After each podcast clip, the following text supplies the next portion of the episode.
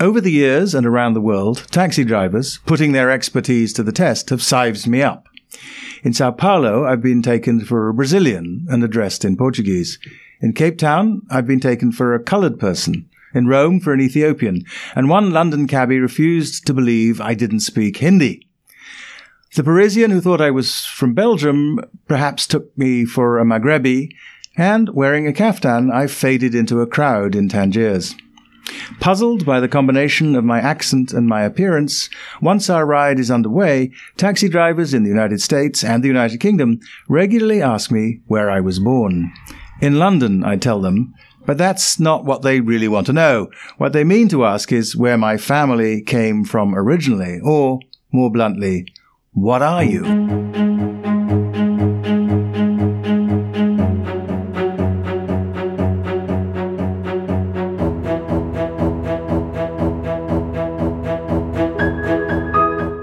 So I'm not against identity at all. I'm against the bad uses of identity. Towards the end, I do talk a bit about the ways in which all sorts of liberation in the world over the course of my lifetime, uh, the liberation of Ghana from British imperial rule, nationalism, national identity, uh, the, the, the, changing status of, of women in Ghana, women's movement, uh, the, the, the challenges faced by lesbian and gay people in Ghana are only going to be met by developing some kind of identity movement based on that. So, uh, yes, lots and lots of uh, things to be said about the positive uses of identity.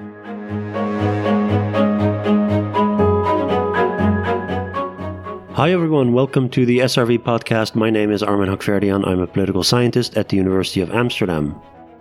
You can follow us on Facebook or Twitter at Stukrood You can subscribe to this podcast in whichever app you use, and while you're there, rate and review us, please. I appreciate it.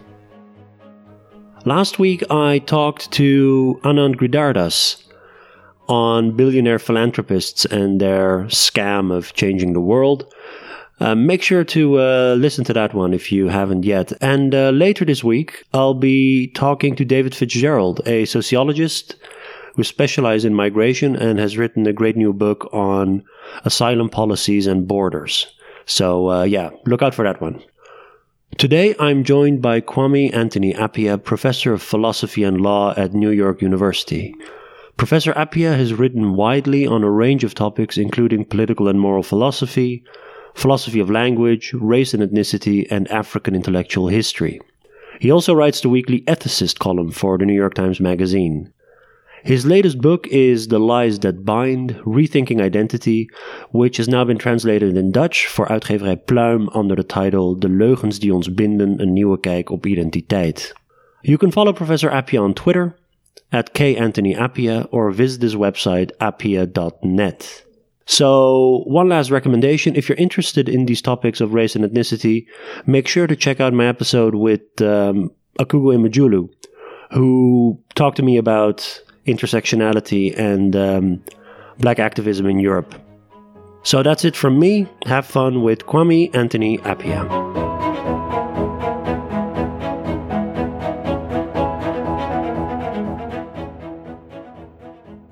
Okay, everyone, I'm here with Professor Kwame Anthony Appiah. Welcome to the podcast. It's very nice to be with you. Thank you so much for joining me. I really appreciate it. Um, so, I suppose you hear this a lot, but when I uh, read the book, the very first opening paragraph, which you just read, which was the anecdote on taxi drivers, uh, was really familiar to me because I experienced that sort of thing myself a lot. So, in my case, people will come up to me and they will ask me, you know, where I'm from. And I would say, I'm from Amsterdam. Mm-hmm. And then they would say, but where are you really from? Yes.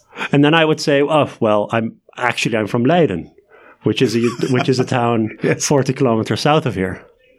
And then two, two things might happen. So there's one group who will just give up because they think that I don't understand the question. And, uh, and then there's the group who'll uh, double down. Uh, in Dutch, we would say vlucht naar voren. They sort of fly ahead okay. and they will say, but you don't look like you're from Leiden. Okay. So, you know, reading that opening paragraph, I thought, yeah, this is the type of book for me. Okay, good. So, I wanted to start with the concept of identity. So, people differ, of course, on many different characteristics, and you can categorize them in all sorts of different ways. Um, but when does a category become an identity? Because not every category rises up to that level. Absolutely. And uh, I'm going to tell you a story about that. You can see that the story is going to admit of degree, so it's not going to give a sharp distinction between categories and identities. But the, the paradigmatic identities have the following, I think, three things in them. One is that there is a label and uh, some kind of social understanding as to how to apply it. That doesn't mean that everybody has to agree about how to apply it, so there can be conflicts in a society about how an identity label works.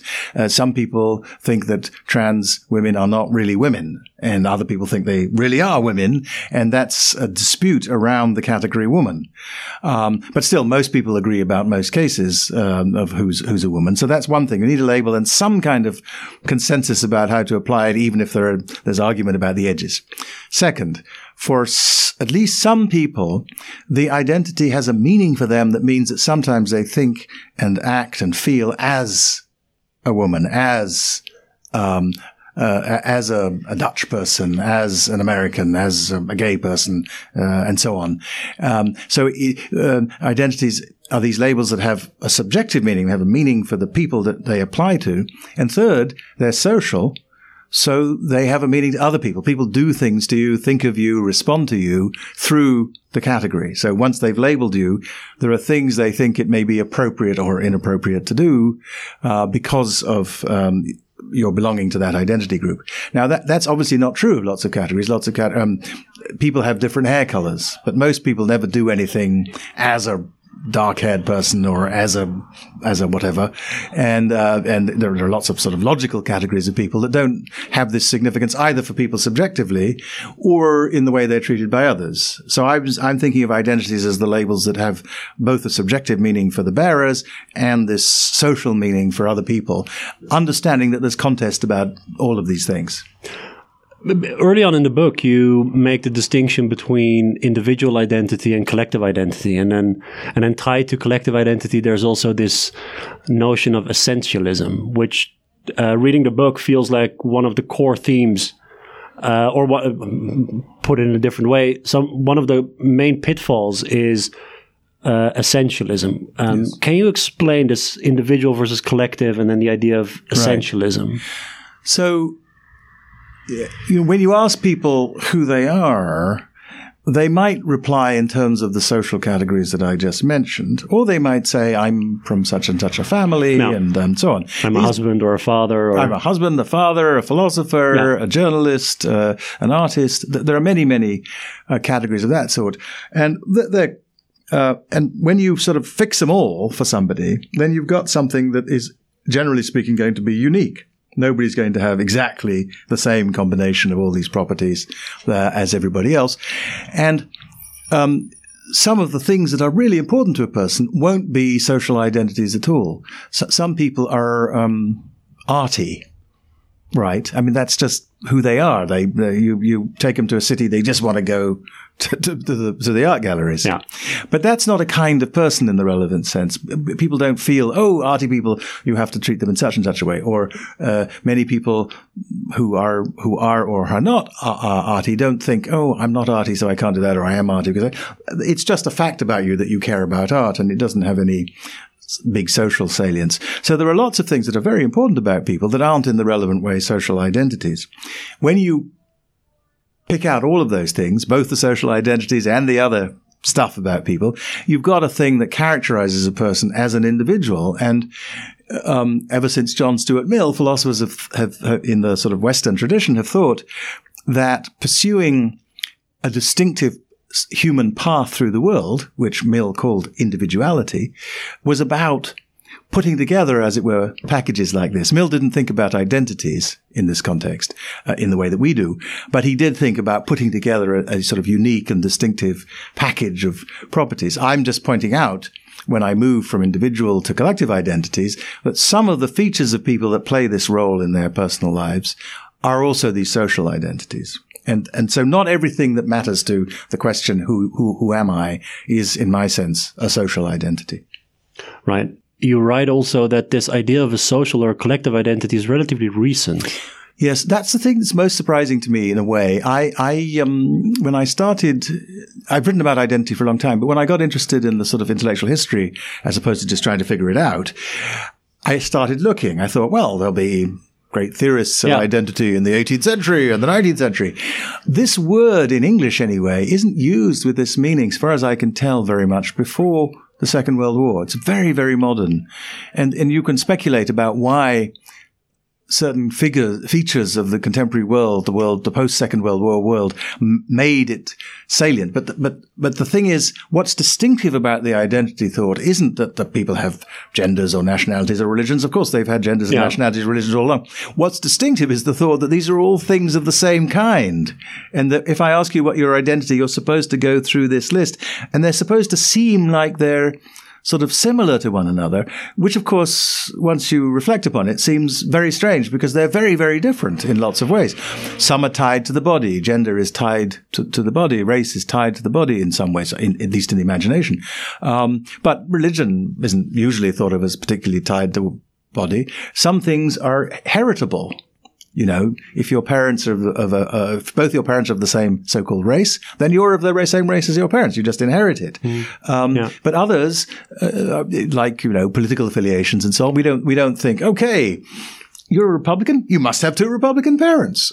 you know? uh, well, that's that's. I mean, it's an interesting question. I think more and more people would actually say that that's the case. Good. And, but, and but, as that happens, which it is happening in the United States, what's happening is that these political things are turning into full-fledged social identities mm, in the yeah. sense that I'm talking about. Yes. You, you raised the political. I was thinking about why maybe uh, these social categories took on another meaning post Second World War or roughly in that time period. Maybe it has to do with the political, with with um, democratization in countries, social basis of politics that that is what made them made them salient. Yeah. So I think um, what, one thing that so so what, if you ask what's the big social category that's relevant in European politics up until the Second World War, apart from nationality, it, it's class. Hmm. Right. The, uh, European politics is class politics. There's a workers' party. There's a labour party. There are these parties of the left, which are sort of, and they're, and they're associated with trades unions and so on. The United States is, as usual, a weird uh,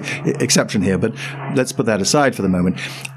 Um, one of the things that it's really, I think, important to remember about the North Atlantic world is that that class politics was enormously successful. It raised the base. Um, I like to think about the fact that um, in, in 1950 in, in the East End of London, uh, most working class people didn't have indoor toilets. They didn't have telephones. They didn't have fridges. They didn't have televisions. Uh, they didn't have uh, until 1945, uh, 46. They didn't have public health care guarantees. They didn't have uh, their kids weren't guaranteed education until the age of 17, which they were after 1945, 46. All of those things meant that um, one of the great struggles of class politics was just to raise the bottom. Right, it, w- it was just to make the material conditions of the working class less awful. Uh, succeeded.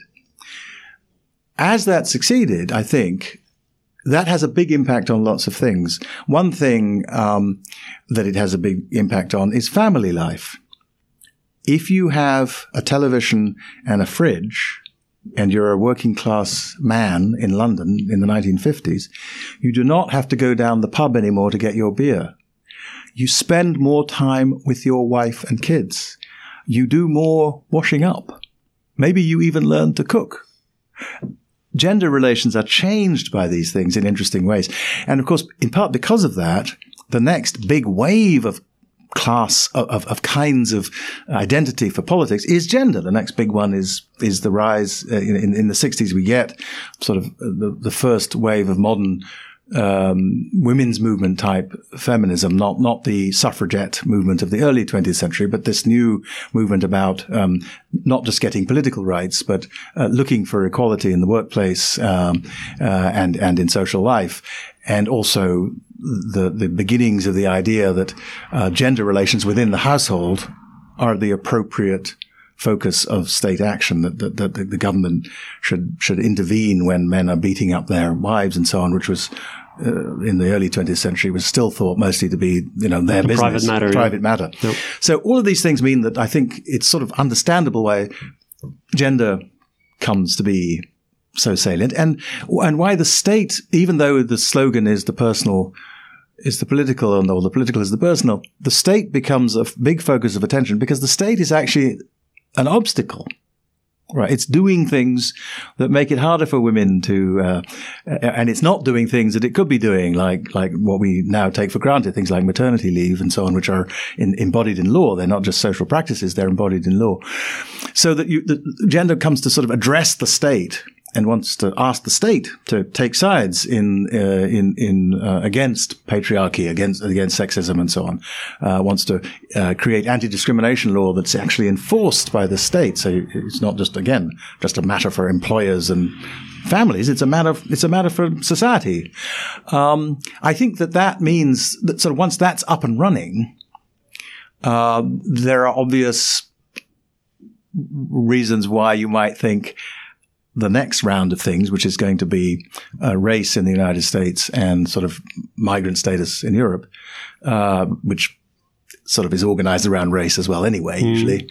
Um, again, because, because the state is, is the problem sometimes and because the, the thought that the state should intervene on the side of one social group against another the, in the sphere of discrimination is, is established by, by the, by the gender movement and so on. So I think you can sort of see that why these things happen in a sort of natural uh, sequence. And then, of course, because of the gender issues in the late 60s in the United States and a little bit earlier in Europe, you, you get politics around sexual identity and, um, first around sexual orientation and then around gender identity. And, and now we just take it for granted that not just that these are things that matter, which wasn't obvious to everybody uh, in 1950, uh, but also that they matter in a way that the state the government should be interested in. The government should be involved in in balancing out the social forces. Um, as I say, that's not obvious. Um, the the night watchman state of 19th yeah. century liberalism wasn't about doing anything like that. And one of the paradoxes of this process, if I'm right about this hypothesis, is that as attention turns to gender and uh, race and sexual orientation, and migrant status as things, forms of identity that the state that, that, that, are organized around formal politics. You know, they get parties have to say what they think about them, political parties. Um, attention slides away from from the class issues, and one of the strange things we've seen in the last 20, 30 years is a return of not a return to circumstances where working class people don't have indoor toilets, but a, a massive return to uh, levels of inequality you would have predicted would, be, mm. would have been gone yeah. uh, by now if you looked at the politics of the 1950s. If, if I may um, return to the sort of how identities are formed yes. or, or how they're interpreted. Um, tr- throughout the book, you have a lot of uh, really interesting examples of experiments and uh, and also all sorts of both personal and historical anecdotes. And one of the experiments is with children, and um, I forget the I forget the, the, the term. It's about generic versus um, uh, the, fleur, the flurgies or the plurgies. There was something um, they they called a particular uh, yes zarpies Z- zarpies, sorry yes. Um, which was linked to the uh, uh, let's say an essentialist um, yes. interpretation of, of categories. Can you yes. explain the Zarpy experiment yes. and what, how, how that relates to yes, good. Uh, identities? So it's a very nice experiment done by um, Sarah Jane Leslie and her colleagues. And Sarah Jane Leslie is an interesting person because she's a philosopher and a psychologist, mm. and you need to understand both the philosophical and the psychological issues, I think, to get this this right. What they did was they they took uh, you take you're doing a psychology, well, you take two classes, two two lots of kids, and you give them different treatments, and you see what yeah. what difference it makes. And I think they were maybe four year olds, uh, very young anyway. And one group they used a lot of what linguists call generics. Now, generics are sentences like, you know, tigers eat people, or um, um, Dutch people like salami, or things like that, where you say about some category of people that they have some property, and very often in understanding the sentence, you have to understand that it definitely doesn't mean all of them. So if I say uh, tigers eat people, well, most tigers haven't eaten people. And if I say that Dutch people like salami, even if that were even if that were true, it wouldn't be inconsistent with there being lots of Dutch people who didn't. Um, but if you use sentences like that about, so that what they did with with one lot of kids was they used a lot of generics about these these cartoon characters that they'd created. And the cartoon characters were men and women, brown and black and yellow and white uh, and pink, um, tall and short, uh, plump and thin. They were very various looking. Yeah. And uh, with one group of kids, they said these Zarpies, and then they said all kinds of generic things. Zarpies like ladybugs, uh, Zarpies go for walks on Sundays, that kind of thing. A lot of a lot of generic talk. And with the others, they never did that. They just said, "Oh, look, that Zarpie is having a good time with a ladybug," or "That Zarpie's going for a walk on a Sunday." And then a few days later, having prepared these kids in this way, with one lot of kids, the the ones who had been given the generics, uh, uh, they said to them, "Oh, oh, look, here's um, here's a, here's a Zarpie. I forget what it was, doing something or other." And they immediately drew the inference that all Zarpies did that. That's what Zarpies That's do. what Zarpies do. Yeah. The kids who had not heard the generics didn't. They they they said, "Oh, that's interesting," and they sort of moved along. yeah. Um, so, what does that show? Well, it shows that th- there's this kind of it's a sort of generalization. Um, the logical features of generics are a topic of actually huge debate among logicians and linguists because they're very peculiar. You can say that mosquitoes carry the West Nile virus, and that can count as true, even though it's less than 1% of them that do so. So it's not certainly all, but it doesn't even have to be very many. Um, so how we decide which ones we'll say and which we don't is a, is a topic of ongoing research.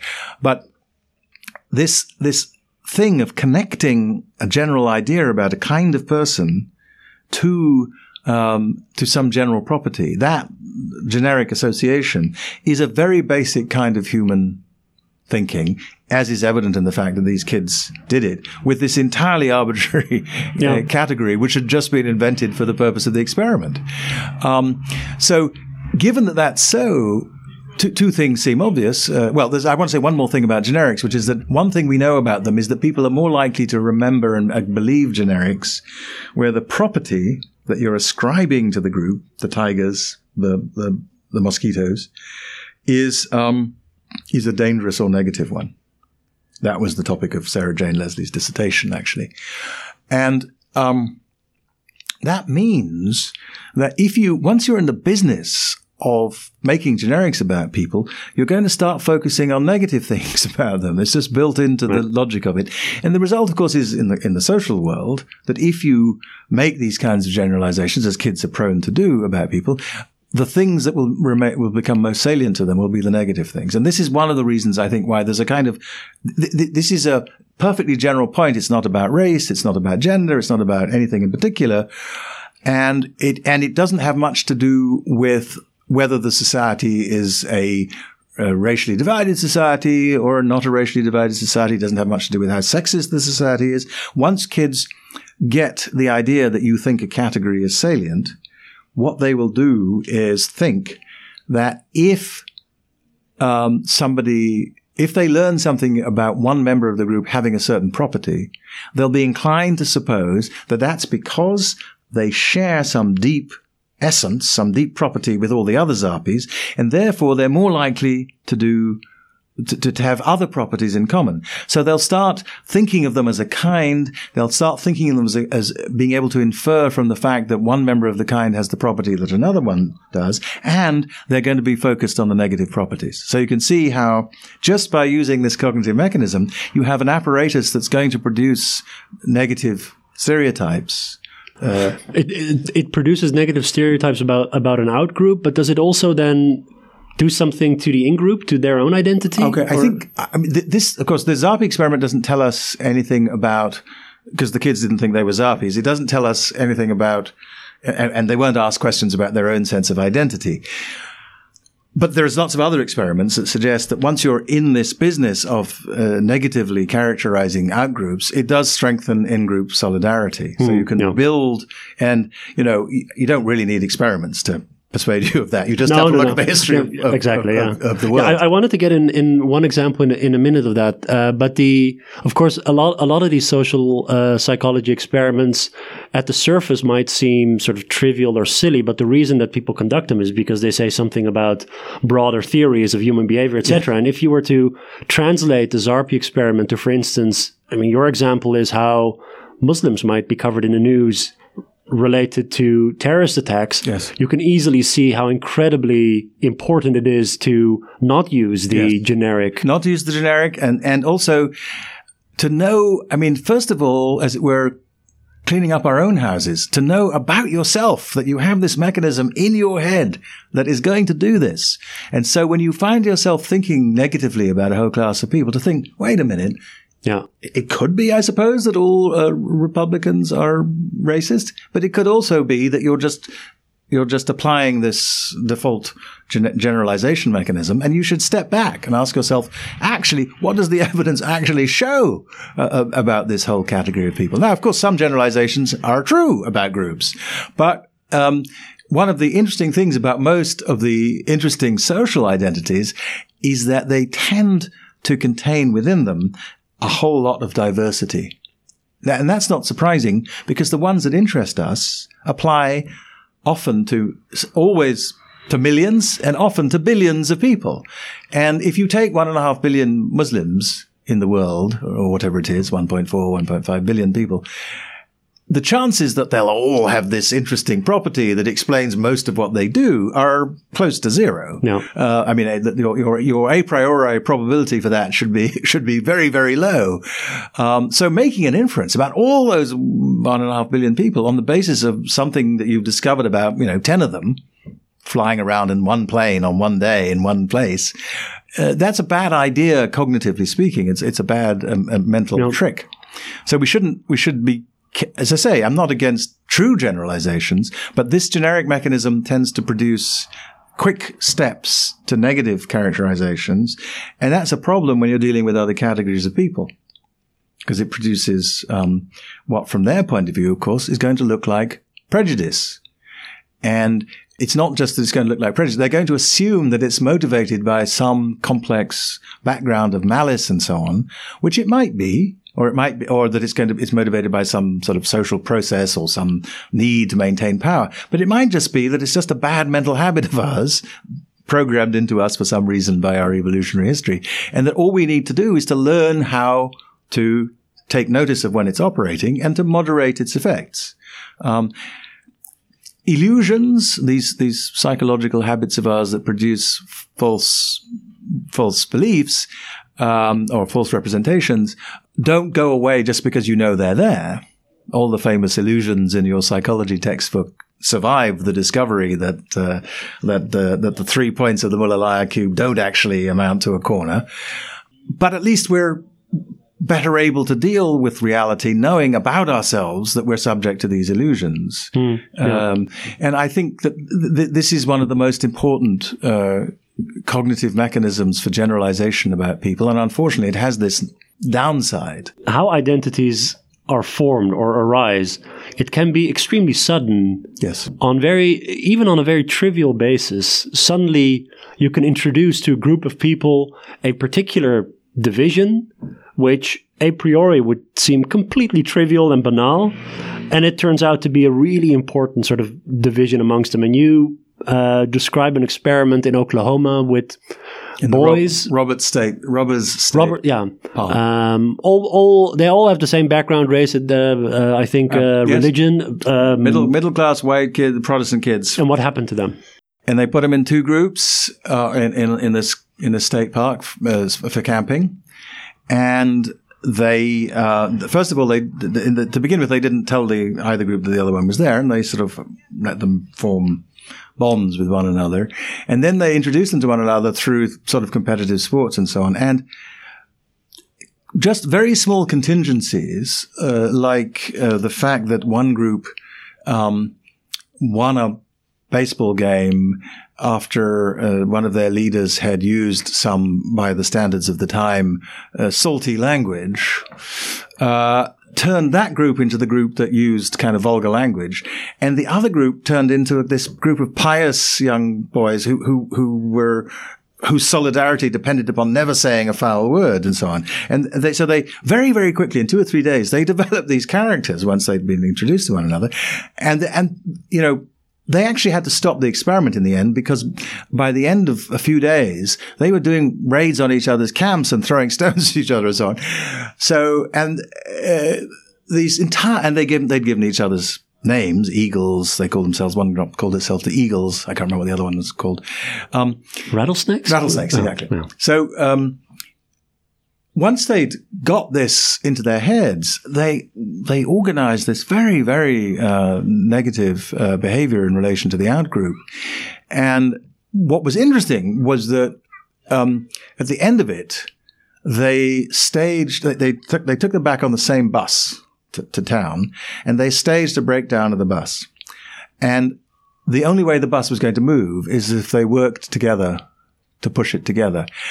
And that situation where they needed to do something together broke down the, the barriers and they ended up uh, working together. Now, that, that, like many great experiments in social psychology, it's it's designed by people who have a great sense for a story. Uh, uh, you know, if the experiment works, it's a great story, and it did work.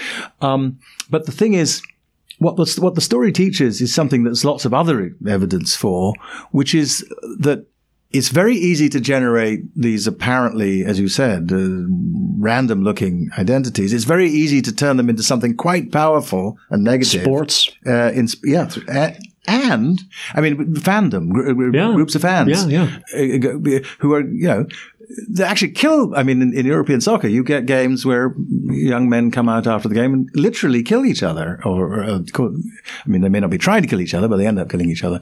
Um, so th- that's one lesson. But the other lesson is the lesson of the bus, which is that if you give people a chance to do something productive together, where they depend upon one another, you can break down these uh, hostilities. I, I, like the optimistic phrasing of that. Uh, it's glass half full. You could also say only by introducing a major calamity will people start to work together. Right. Well, I'm sure if there's a third world war, I yes, mean, the yes. Democrats and Republicans will probably serve together in the army. They probably will. and and if and if maybe if aliens appear from yeah. uh, outer space, we'll finally get around to trying to do something about the climate because we'll be we'll be forced together yeah. Uh, by but it, it seems like you need to introduce something extraordinary in order to bridge some of yeah. these so um, so I think differences. Um, I mean, obviously, that's in an experiment. You're trying to get an effect. So you, you, you push things, as it were, to the limit.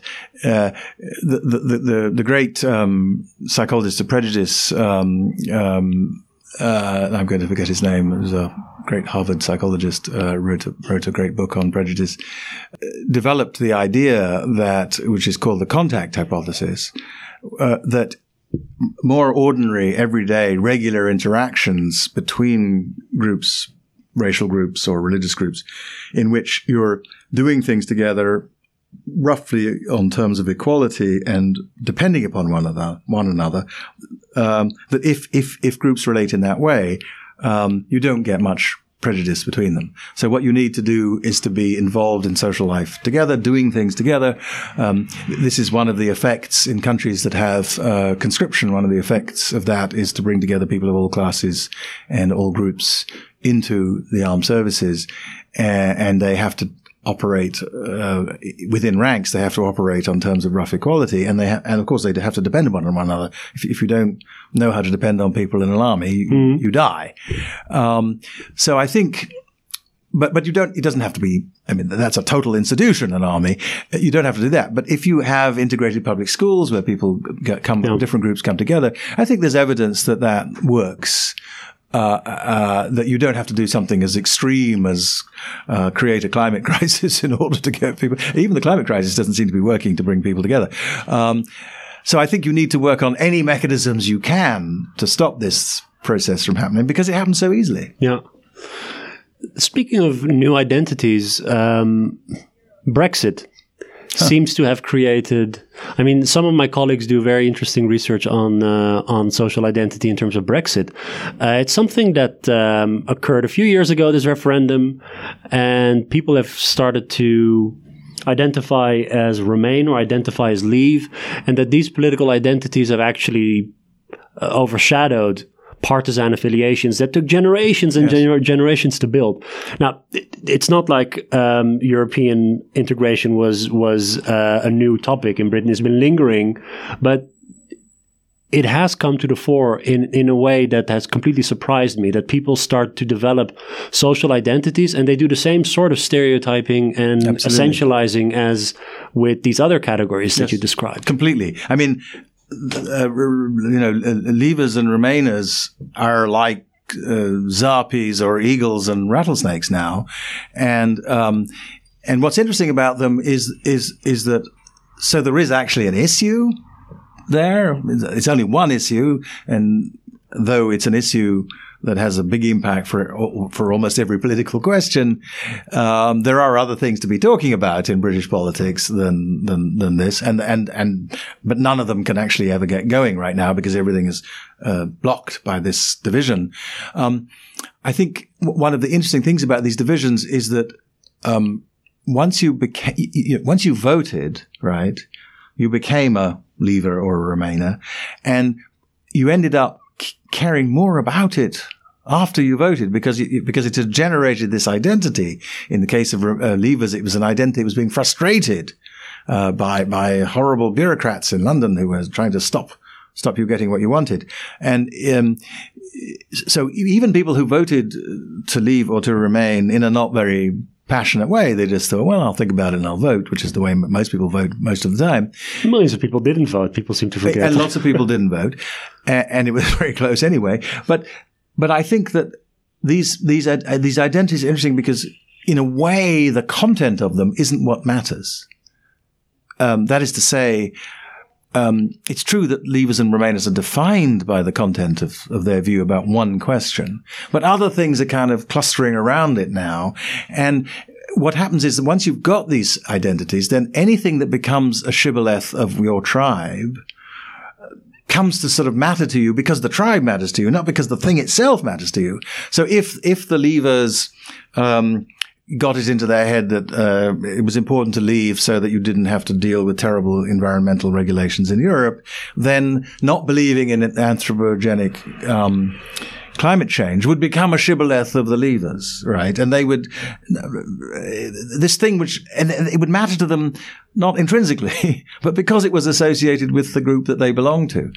Um, and I say this because the, the case I've thought about more, and know more about, is the case of uh, of the United States, where nowadays both liberal and conservative identities and both Democrat and Republican identities have become associated with various shibboleths, which have no intrinsic connection with what's supposed to define a political ideology. There's no intrinsic connection between um, being conservative on social issues and having a view about uh, the sources of climate change, right? That's that's a technical scientific question. Why on earth would it come to be the case that people in one party have one view and uh, uh, but they have and they don't um, it's true that there are social mechanisms in place that are trying to make this happen and, and that you know the legacy uh, coal and oil industries are busy trying to make people believe these things, but they're failing with the Democrats and they're succeeding with the Republicans.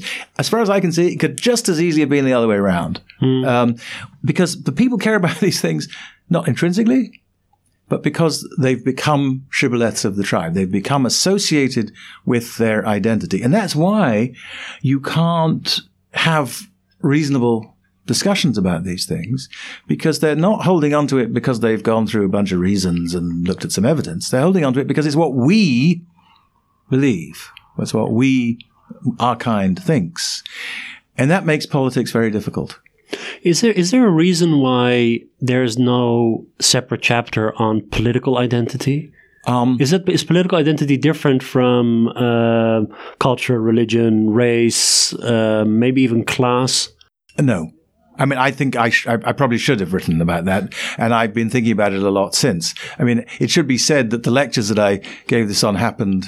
W- the second of them was given the week of the Brexit vote. so, okay, yeah. so I wasn't thinking very much about these things, but I should have been because the, the uh, and and it was also before Trump uh, th- that I started working on the book. Um, if I had been starting on it now, I would probably have put this amazing political divide in the country that I live in at front and center.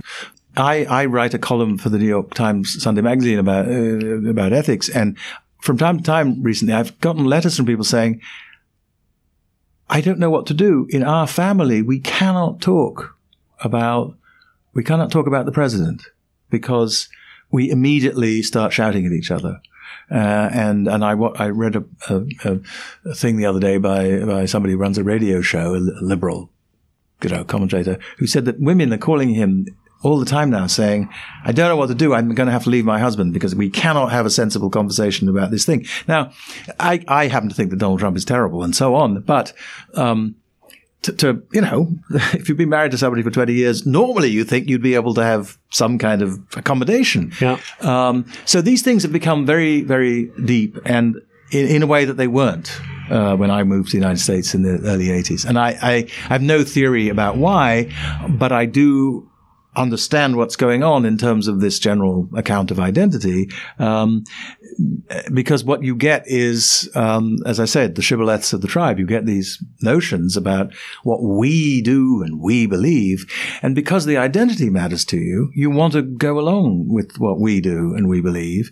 And that means that if the belief is even about a matter of fact, um, you'll be very differentially sensitive to evidence about their matter of fact, depending on, and, you know, I'm on the, I'm a Democrat, I'm a liberal and all that, but, um, we do it too. I'm not, this is not a point about. But one of the interesting things about this identity formation in the US when it comes to politics is also, you don't really have a choice. If you're a Democrat, you vote for the Democrats and who else are you going to vote for? And every time there's an election, it's almost like a ritual where you express your identity rather than make a choice. And in the Netherlands, for instance, um, uh, most voters have actually voted for multiple parties yes. in the course of not the, uh, in the course of their lifetimes. In the past, sort of five years, five to ten years, so it's quite common for people to switch between, let's say, the Social Democrats or the Greens or the or the or the D sixty six, the Liberals. So you don't really you don't really get a chance.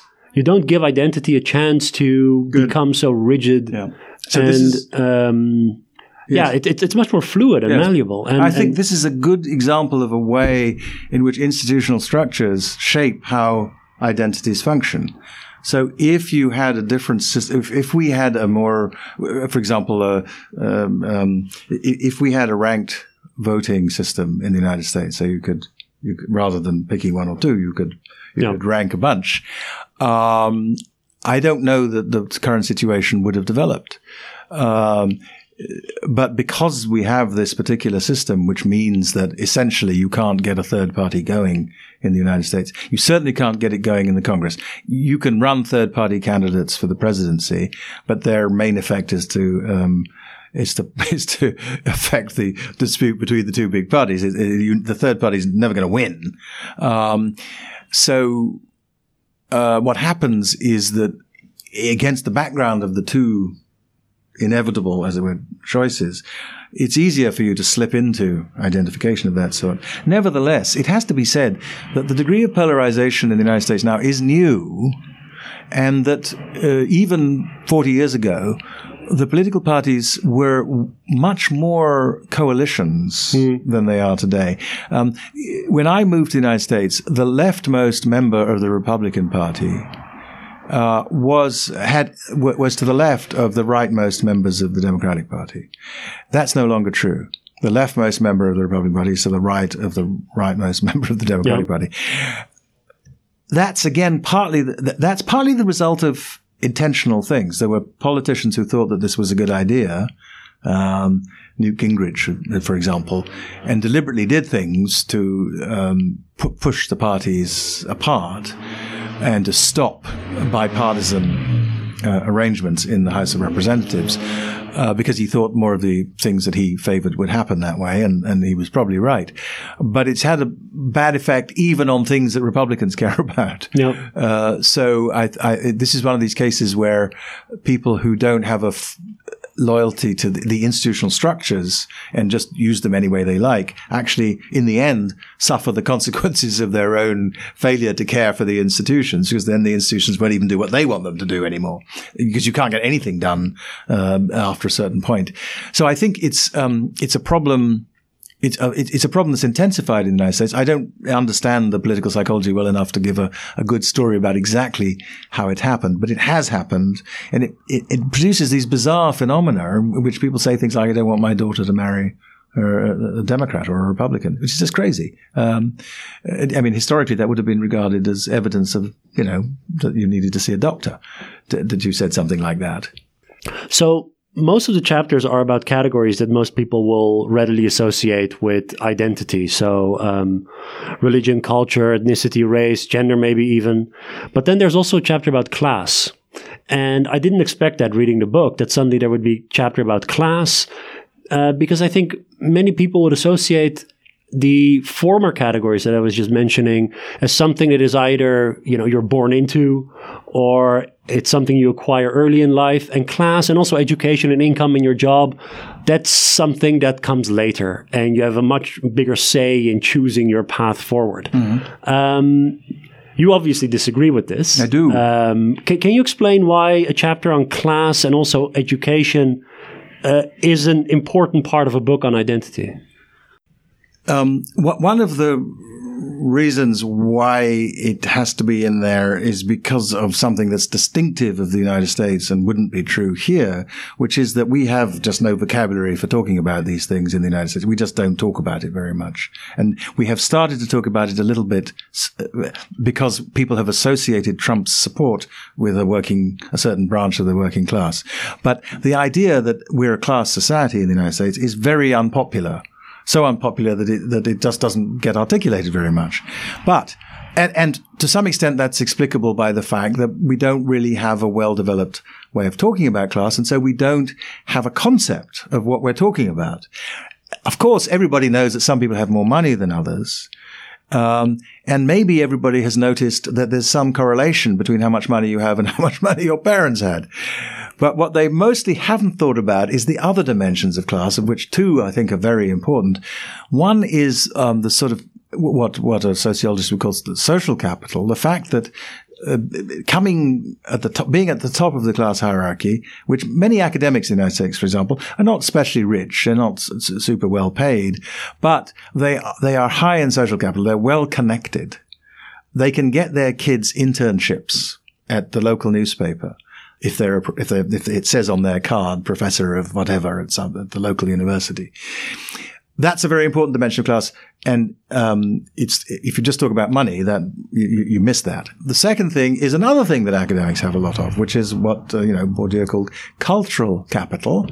Um, and again, it's very striking in the United States that um, people who are kind of who are sort of resolutely anti-elite and uh, anti-elitist and and um, uh, complain about pointy-headed intellectuals are nevertheless somewhat inclined to defer to people who seem to have a lot of education and who talk about talk in the way educated people talk and who've read books and talk about novels that they haven't read and so on. There's a kind of a cultural deference um, even in this supposedly very democratic society in which, and, and, and even among people who think of themselves as sort of anti-elitist. And so, and, and there's a sense that, um, people resent, uh, the way in which they think educated people look down at them. Now, of course, educated people in the United States, mostly being of the left, or liberal anyway, um, think that the very idea that they're looking down on anybody is a terrible idea. um, and, uh, and that's another reason why we don't talk about it. Because, of course, there's a, it's, it's just true that if you value the things that academics and educated people value, you will think that people who don't have them are in some way less than you, right? That's just, that just goes with valuing those things. Now, that doesn't mean you, you, sh- you should think that they shouldn't have the vote or that they, sh- or they should be denied anything eventually of it, but you can't deny that you're, you're feeling these feelings feelings. Um, and even more interestingly, I think it turns out they can't deny that they do feel they, they don't like being looked down upon, right? It's not that they're supposed not to care about the pointy headed intellectuals, but when they feel that the pointy headed intellectuals are looking down on them, they resent it. When Mrs. when Mrs. Um, Clinton talked about the deplorables, by which she had in mind kind of working class people who she thought of as racist and sexist, instead of thinking, why should I care what she thinks of me, right? Apparently they resented it. And I, they should. I mean, it, it's the sort of well, thing they embraced resent. it as a moniker. Yeah, they embraced it, but but they they embraced it because they because they didn't because they felt Yeah. piqued by it. W- Whereas they could just have said, "Who cares Yeah. what she thinks?" But w- where does meritocracy come into play? Because there's a there's the uh, the bulk of the chapter is about meritocracy, Yes. and that's something that I've been um, yeah, worrying about uh, for for a while now. That this one of the the book is called "The Lies That Bind." One of the biggest lies we keep telling ourselves is that this is a meritocratic society, Right. and and that the people at the top are deserving of being at the top. Right. So there's two ways in which that's wrong. One is that we aren't even meritocratic in the ways we pretend to be. The people at the top uh, have often got there because their parents were able to give them social, cultural, and financial capital to get there. They didn't start out. They started out ahead of everybody else. Um, Don- Donald Trump is rich because his father was. He's not rich because he's good at making money. He's actually lost money. Uh, I mean, if he'd just put his money in the bank, he'd be richer now than he than he than he is. So, um, but but he's typical. Uh, lots and lots of people in the United States who people think of as having worked hard and so on. They're just there because they were given the social assets in order to succeed. Uh, so, so there's a lot of that, and and that's one of the reasons why we don't talk about class because that's that's class talk allows you to see that and to talk about that, and people don't like that. Why? Well, because the people who are profiting from it don't want to be thought to be cheating on the merit Or just system. lucky. ju- They- they don't like being They- called they like lucky. being called lucky. so that's so one point is that. The other is that um, there's there's nothing spe- specially meritorious about happening to have the skills that happen to be rewarded in the economy that happens to develop in your society. Um, the fact that Mother Teresa couldn't get to be a billionaire has nothing to do with her merit as a human being, um, though she did actually end up creating a vast global system which may be worth billions. I don't know, but. Um, so I, I want to challenge both the claim that our societies are meritocratic in the way that they are supposed to be, and that it would be a good thing if they were. Um, hierarchies of status and and and, uh, and and and honor are not a good idea, even if the people who have the higher status are better at something than the people who have the lower status. Uh, a society of equals is a possibility, even if people have different amounts of money. But it takes work because uh, because if you don't uh, do the work, the people with money will use the money to get all the other advantages, and that will mean that their kids will have the, the advantage. So, so I, I want both to say. Um, no, you. If desert means uh, you're a better kind of per- the people who have more are a better kind of people than the people who have less. Nonsense. And that anyway, it would be a bad idea to create a society in which we rewarded people with honor and status and all that because they happen to have the skills that happen to be uh, valuable in the, in the marketplace. The marketplace is only a part of social life. And what happens in our kind of society, in the United States anyway, is that this type, this thing that should be a part of social life, in which I'm perfectly happy to have differences in income used to, to incentivize people's decisions about where they work and, and what skills they'll develop. That's fine. I don't mind that. But, but that should be only a part of life. And I think that, um, we, we, the result is that, um, the forms of class society that have developed in, in the supposedly meritocratic world have produced, uh, at the bottom, people who have systematically reflected back to them a negative image of them as if it's their fault that they're, or if, as if they're inferior in some morally salient way. But they're not inferior and it's not their fault. Um, and th- this, so that these class that, that it goes it goes with the same types of stereotyping that you see in many of the other ca- categories. so- Yes, same stereotyping, same kind of essentializing of the of the of the properties of the poor Yeah. and of the rich. and of the- yeah. Uh, and um, I think that if we can get a conversation, I think a conversation is beginning in, in my country, the United States, about this. Um, there have been a bunch of books critical of meritocracy as an ideal recently, and um, including one by Dan Markovits, whom I quote in, in my book, but his book wasn't out when I did this. So I think I think we're beginning to, and but as, as you say, the key point is class behaves like an identity. Uh, and therefore, if we're going to understand the social life of our societies, we need to have this category to talk Yeah. about them. And we need to see that, uh, that class involves lies in the way, in the sort of way in which gender and race and, uh, and culture and religion do. It seems to me that many of the, I mean, this is, we, we have to, we have to, unfortunately, we have to stop, um, because time's up, but many of the lies you're talking about, they might be misinterpreted as saying that identity cannot also have beneficial effects. Oh, no, sorry. So they, because the women's movement and the workers' movement and all, I mean, identity can be an extremely powerful sort of prelude Yes. to action and to emancipation. Um, but a lot of the, a lot of the, uh, ties that bind the dominant groups, um, the exclusionary forms Yes. are, are the ones where you which you decompose in the book. Am- Yes, am I right in, in yes, that so I wanted. yes, I, I- don't know if the, if I did it well enough in the book. I don't. You can't be against identity, but you can be against bad uses of identity. Right, exactly. And and but identity is hugely. Uh, towards the end, I do talk a bit about the ways in which all sorts of liberation in the Yeah. world over the course of my lifetime, uh, the liberation of Ghana from British imperial rule, nationalism, Yeah. national identity, uh, the, the the changing status of, of women in Ghana. Women's movement, uh, the, the the challenges faced by lesbian and gay people in Ghana are only going to be met by developing some kind of identity movement based on that. So, uh, yes, lots and lots of uh, things to be said about the positive uses of identity, but so I'm not against identity at all. I'm against the bad uses of identity, and that's that's what I wanted to talk about. Thank you so much for this conversation. Good. Uh, the book is called The Lies That Bind in Dutch, De Leugens die ons binden. And it's available uh, everywhere. Um, by the book, I um, I thought it was extremely uh, extremely interesting, and I enjoyed reading it. Thank you very much. Thank you for listening. See you next time.